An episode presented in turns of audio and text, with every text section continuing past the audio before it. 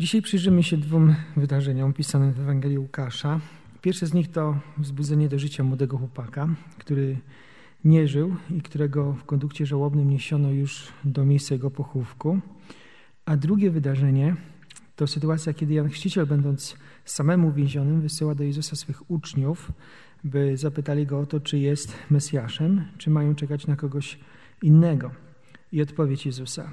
Chciałbym przyjrzeć się tym wersetom pod kątem pokonywania zwątpienia. Tego uczucia, które przychodzi, kiedy wydarza się coś negatywnego, czego się nie spodziewaliśmy, ale również wtedy, kiedy nie wydarza się to, na co czekaliśmy. Mam nadzieję, że razem odkryjemy kilka wskazówek na to, jak nie poddać się zwątpieniu naszej wierze i, i zaufaniu Jezusowi Chrystusowi. Y, kiedy idzie kondukt żałobny i na noszach leży ciało umarłego, nikt nie ma w, w zasadzie wątpliwości, co będzie dalej. Złożenie do grobu, przysypanie piaskiem i, albo w grocie złożenie i zasunięcie kamienia. Właściwie to dzisiaj już nie ma konduktów żałobnych. Kiedyś jeszcze nie tak dawno były. E, raczej, raczej kondukty są od od bramy cmentarnej do właśnie miejsca złożenia ciała. Natomiast e, wtedy, kiedy jeszcze się odbywały, to znajomi, szczególnie w mniejszych miejscowości, bardzo licznie uczestniczyli w takim, takim pochówku. E, najbliżej trumny czy, czy noszy w tym przypadku z ciałem szła, szła po prostu ta kobieta wdowa, teraz e, matka, która po, ma pochować swojego jedynego syna. Oczywiście płakała, tak jak, tak jak mm, każdy, każda, każda kobieta na jej miejscu by płakała. Mamy w tym, w tym obrazie konduktu żałobnego, tego, tego tłumu ludzi, którzy odprowadzają nieżyjącego młodzieńca, obraz smutku, takiego, takiej nieubaganej konieczności, kiedy, kiedy przychodzi śmierć, kiedy pozostaje żałoba, e, ewentualnie współczucie i ewentualna pomoc sąsiadów, e, wspomnienia po zmarłej osobie. I trzeba się mierzyć z nową, z nową rzeczywistością, w której już nie ma tej jedynej drogiej, kochanej osoby. E, w przypadku tej wdowy z Nain tak naprawdę z samotnością, bo pochowała męża pewnie nie tak dawno, skoro ten młodzieniec jest, jest jeszcze właśnie młodzieńcem i teraz chowa swojego jedynego syna. Co, co jej pozostaje, tak po ludzku mówiąc? Przecież straciła tych, których kochała, a współczucie sąsiadów nie zastąpi jej, jej bliskich. E, jak żyć dalej, skąd wziąć siły i to nie tylko emocjonalne, ale takie zwykłe siły e, fizyczne do, do pracy, żeby po prostu nie być, nie być zdanym na, tym, żeby zosta- na to, żeby zostać po prostu żebrakiem. E, przecież to mąż, potem syn mieli, mieli troszczyć się o nią jako o żonę, matkę w jej, w jej starości. Y, jaką nadzieję może mieć osoba w takim położeniu? Jak ją pocieszyć? Y, jakie pytanie sobie zadaje? Dlaczego mnie to spotkało? Ten smutek za smutkiem. W księdze Jeremiasza jest napisane, a twoje wdowy niech mi zaufają. Tylko jak to zrobić? To jest Jeremiasza 49:11. I co to znaczy w takim momencie dla, dla matki, która idzie właśnie pogrzebać ciało swojego jednorodzonego syna?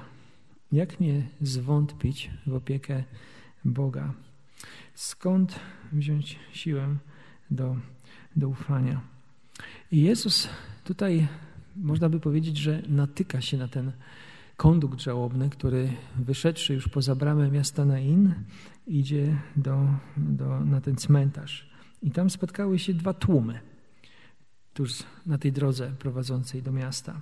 Tłum, który szedł z Jezusem, Prawdopodobnie wiedział o uzdrowieniu, uzdrowieniach, e, których Jezus dokonywał wcześniej i, i też pewnie o uzdrowieniu sługi setnika.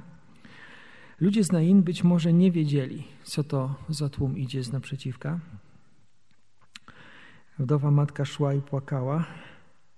I to, co czytamy w wersecie 13, to to, że Jezus wzruszył się. Wzruszył się bardzo. W tym moim tłumaczeniu to jest powiedziane jej bólem, jej płaczem. Może ktoś mu powiedział o jej sytuacji. Mm, w greckim języku bardziej czytamy, że e, zmiłował się nad nią, czy zlitował się nad nią. Kto wie, może myślał o swojej matce, o przyszłości, o tym, że również jego matka będzie chowała swojego pierworodnego syna. Łukasz pierwszy raz w swojej Ewangelii używa tutaj słowa Kyrios, Pan, mówiąc, mówiąc o Jezusie. Pan się bardzo wzruszył.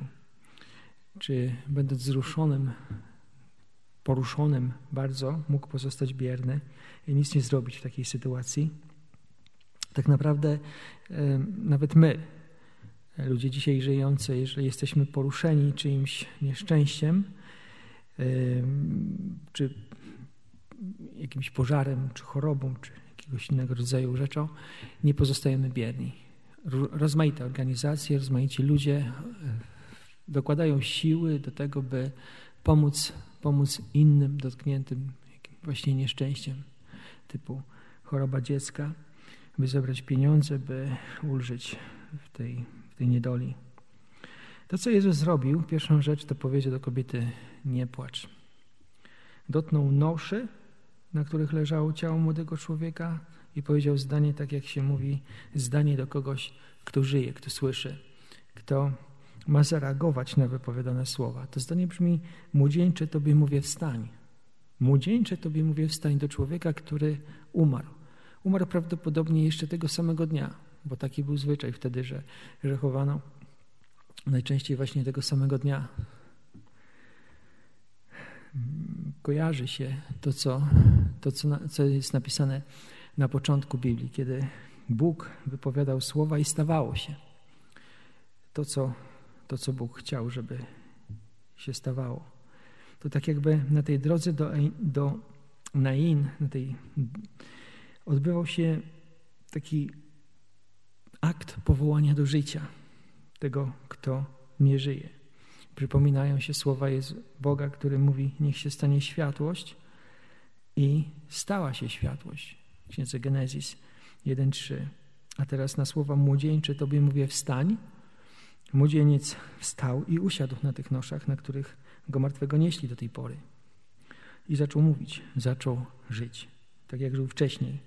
A ludzie wokół, co zrobili? Przestraszyli się.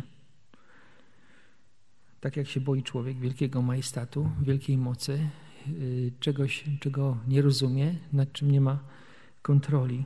I po chwili chwalili Boga. I Łukasz to zapisuje.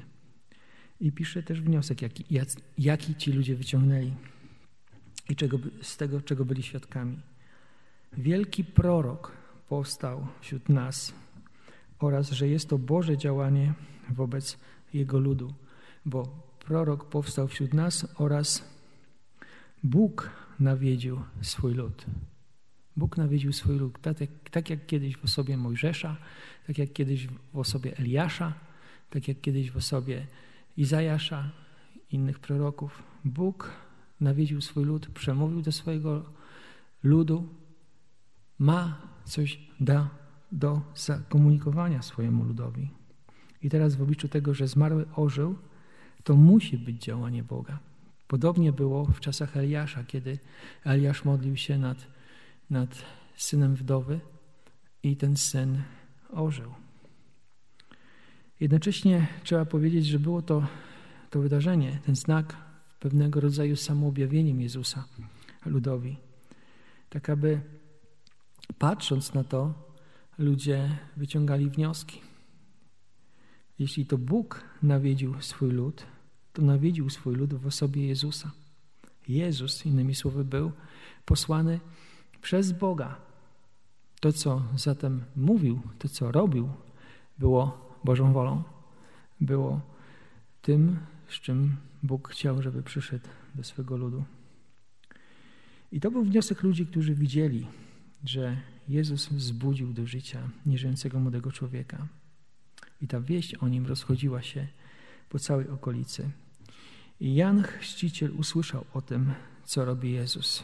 Był wówczas uwięziony z powodów, które są opisane w innych częściach Ewangelii. E, natomiast jego uczniowie, którzy go odwiedzali, opowiadali o tym, co czyni Jezus.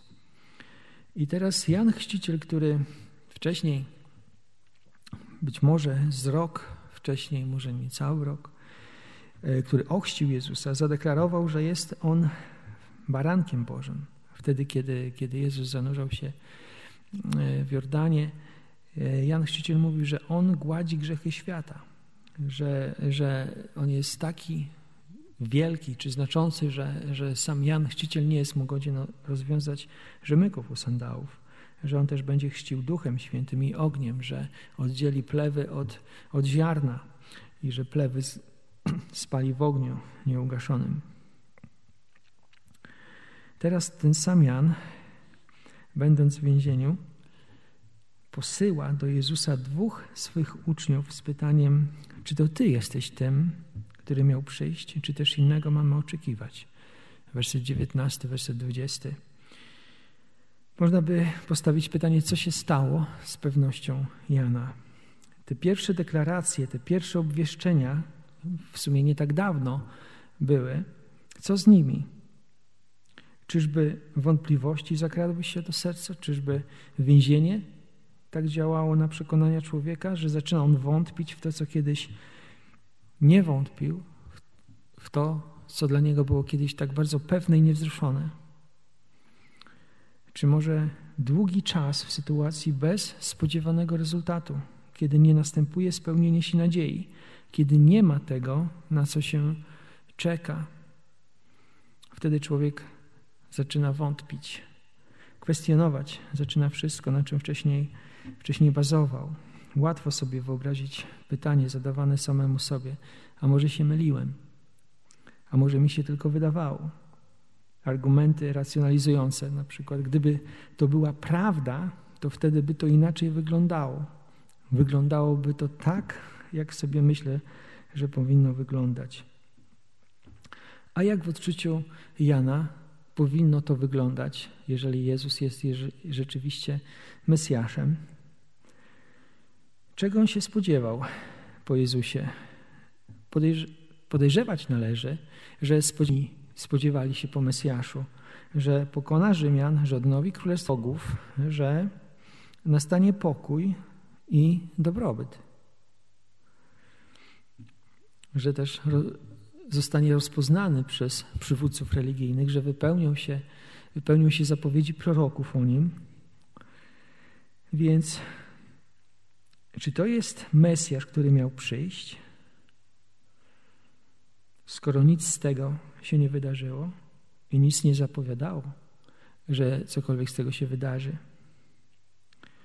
Tak, Jan, jak i jemu współcześni nie pojmowali, że Mesjasz miał przyjść dwukrotnie i że jego panowanie, Królestwo Boże, rozpoczyna się przede wszystkim po pierwsze w sercu, że jego wyzwolenie, które przynosi, jest wyzwoleniem od grzechu, że jego królestwo jest królestwem nie z tej, nie z tej ziemi. Nie wiedział, że Mesjasz miał przyjść dwukrotnie. On sam był uwięziony, królestwa nie było był za to sprzeciw przywódców religijnych wobec Jezusa. Jaka jest odpowiedź Jezusa na, na pytanie e, Jana?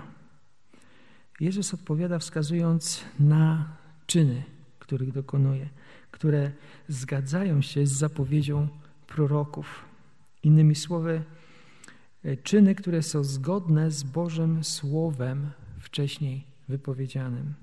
Czytamy w 22 wersecie: Niewidomi odzyskują wzrok, kulawi dobrze chodzą, trędowaci zostają oczyszczeni, Głusi słyszą, umarli wstają do życia, a ubogim głoszona jest dobra nowina. Są to słowa wzięte praktycznie dosłownie z księgi Izajasza. Rozdziały,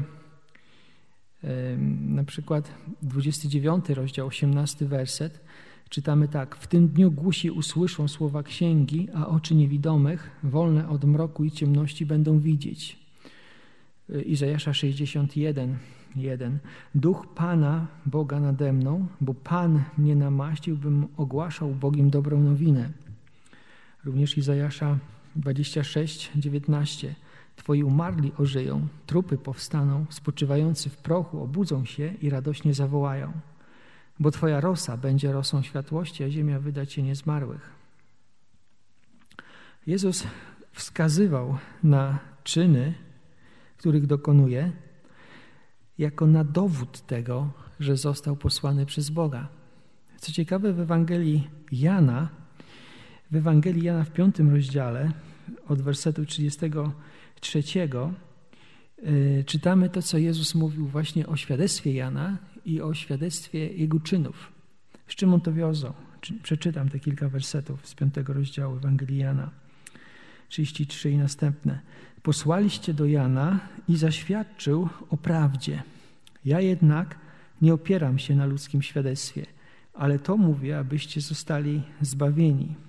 On był zapaloną i świecącą lampą, lecz wy tylko przez krótki czas chcieliście się radować jego światłem. Ale ja mam świadectwo większe niż Jana. Dzieła bowiem, które dał mi Ojciec, abym je wypełnił, te dzieła, które czynię, świadczą o mnie, że Ojciec mnie posłał. I ten, który mnie posłał, Ojciec, On zaświadczył o mnie.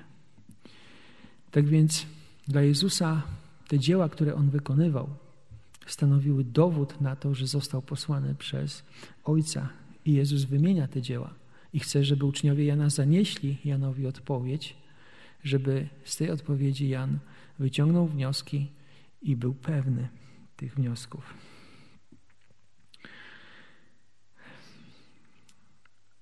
I sytuacja jest taka, że mimo tego, że królestwo Izraela nie zostało przywrócone, że Jan jest uwięziony, że Sanhedryn, faryzeusze, uczeni w piśmie nie akceptują Jezusa jako Mesjasza, to się dzieje coś jeszcze, coś, co Izajasz zapowiada, co będzie się działo, kiedy, kiedy namaszczony, kiedy Mesjasz właśnie przybędzie, coś, co jedynie Mesjasz miał zrobić. I działo się. Jezus e, mówi w 23 wersecie jeszcze: Szczęśliwy ten, który się nie zgorszy z mojego powodu. To jest forma, w jakiej Jezus dał odpowiedź posłańcom Jana. Tak jakby powiedział: Tak, jestem Mesjaszem. Tak, jestem Mesjaszem. Błogosławiony ten, który się nie zgorszy z mojego powodu. E, zostało to ujęte tak jak reszta błogosławieństw których wcześniej czytaliśmy w szóstym rozdziale Ewangelii Łukasza. Błogosławieństw takich jak błogosławieni jesteście, gdy ludzie was znienawidzą, gdy was odtrącą i będą wam ubliżać oraz pozbawią was dobrego imienia ze względu na Syna Człowieczego.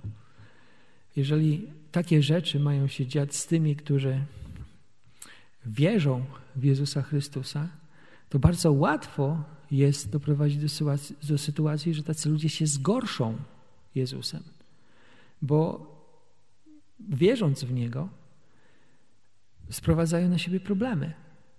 Nikt nie chce problemów, więc ludzie będą pod presją tego, żeby wyrzec się swojej wiary w Jezusa Chrystusa, żeby wyrzec się swojego zaufania Jemu, żeby, żeby wyrzec się swojego przekonania o tym, że On jest Mesjaszem.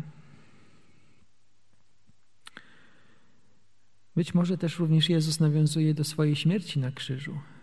Śmierć na krzyżu była śmiercią haniebną, gorszącą, śmiercią przewidzianą dla wyjątkowych przestępców. można było łatwo pogardzić człowiekiem, który jest nagi, zbity i przybity do krzyża. że to można stwierdzić, że to nie jest żaden Mesjasz, bo jeżeli byłby Mesjaszem, to by zszedł z krzyża Pamiętamy te, te szyderstwa ludzi, którzy byli zebrani pod krzyżem i wołali do Jezusa: Jeśli jesteś Mesjaszem, to zejdź z krzyża. Ludzie mieli tego rodzaju przekonanie, że jeżeli Mesjasz byłby rzeczywiście posłanym przez Boga, namaszczonym, że Jezus, jeżeli byłby tym Mesjaszem, to nie umarłby nagi i pobity na krzyżu pohańbieniu. Nie umarłby haniebną, bulwersującą śmiercią. Ciekawe jest też, że e, to, co Jezus robił, Jego słowa i też również czyny, mm, gorszyły ludzi, którzy Go znali być może najlepiej. W Ewangelii Marka 6,3 czytamy i gorszyli się z Jego powodu. Kto się nim gorszył? No właśnie ludzie, sąsiedzi z Nazaretu, bo uważali, że On był zwykłym człowiekiem i skąd u Niego taka mądrość i skąd u Niego to wszystko? Przecież był jednym z nich. Faryzeusze również nie chcieli przyjąć Jezusa i również gardzili Nim, mając y, argument typu w Ewangelii Jana, 7 rozdziale 49 wersecie, że znaczy mówili tak, faryzeusze więc zapytali, czy i wy daliście się zwieść? Czy ktoś z przywódców lub faryzeuszy uwierzył w niego? Ale ten tłum, w Biblii brytyjskiej ten motłoch, który nie zna prawa, jest przeklęty. Czyli dla faryzeuszów tylko ludzie, którzy byli prości, nieuczeni, którzy byli motłochem, uwierzyli w Jezusa. Natomiast ci wyższych sfer, uczeni, faryzeusze, religijni przywódcy, uznali go za bluźniercę, uznali go za wywrotowca i odrzucili. I teraz patrząc na to, jak pokonać wątpliwości, jak, jak te dwie historie pokazują, jak możemy pokonać wątpliwości. I jeden sposób na to jest taki, żeby pamiętać i nie dać się gdzieś tam ograbić z, tej, z tego przekonania. Pamiętać, że, że Jezus nie jest obojętny na Twoją sytuację.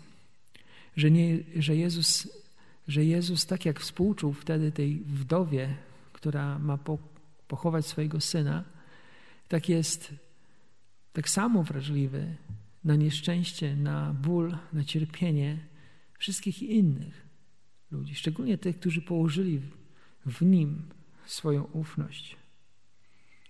Bo Jezus nie był tylko jej bólem poróżny, tylko jej sytuacją, rozpaczą w jakiś sposób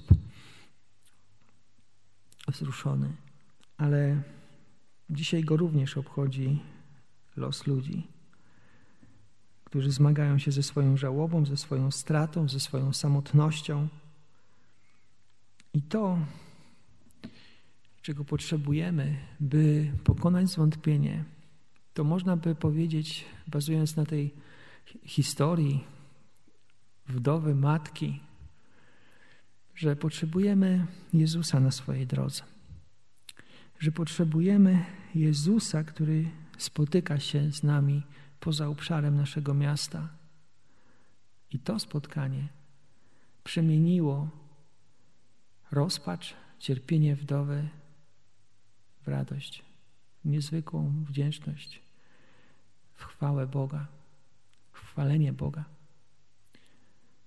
I to jest jeden sposób na pokonanie wątpliwości spotkać się z Chrystusem. Bo Chrystus nie jest obojętny na człowieka, który ma wątpliwości, który zadaje pytania Bo któż z nas nie miał wątpliwości? Jeżeli ktoś jeszcze nie miał, to będzie miał, a jeżeli już miał, no to pamięta, że je miał. Y, inną rzeczą jest to, by patrzeć na fakty, które świadczą o tym, że wypełniło się spisane Słowo Boże. Te fakty są y, niezależne od uczuć, od emocji, niezależne są od naszej sytuacji, w której jesteśmy.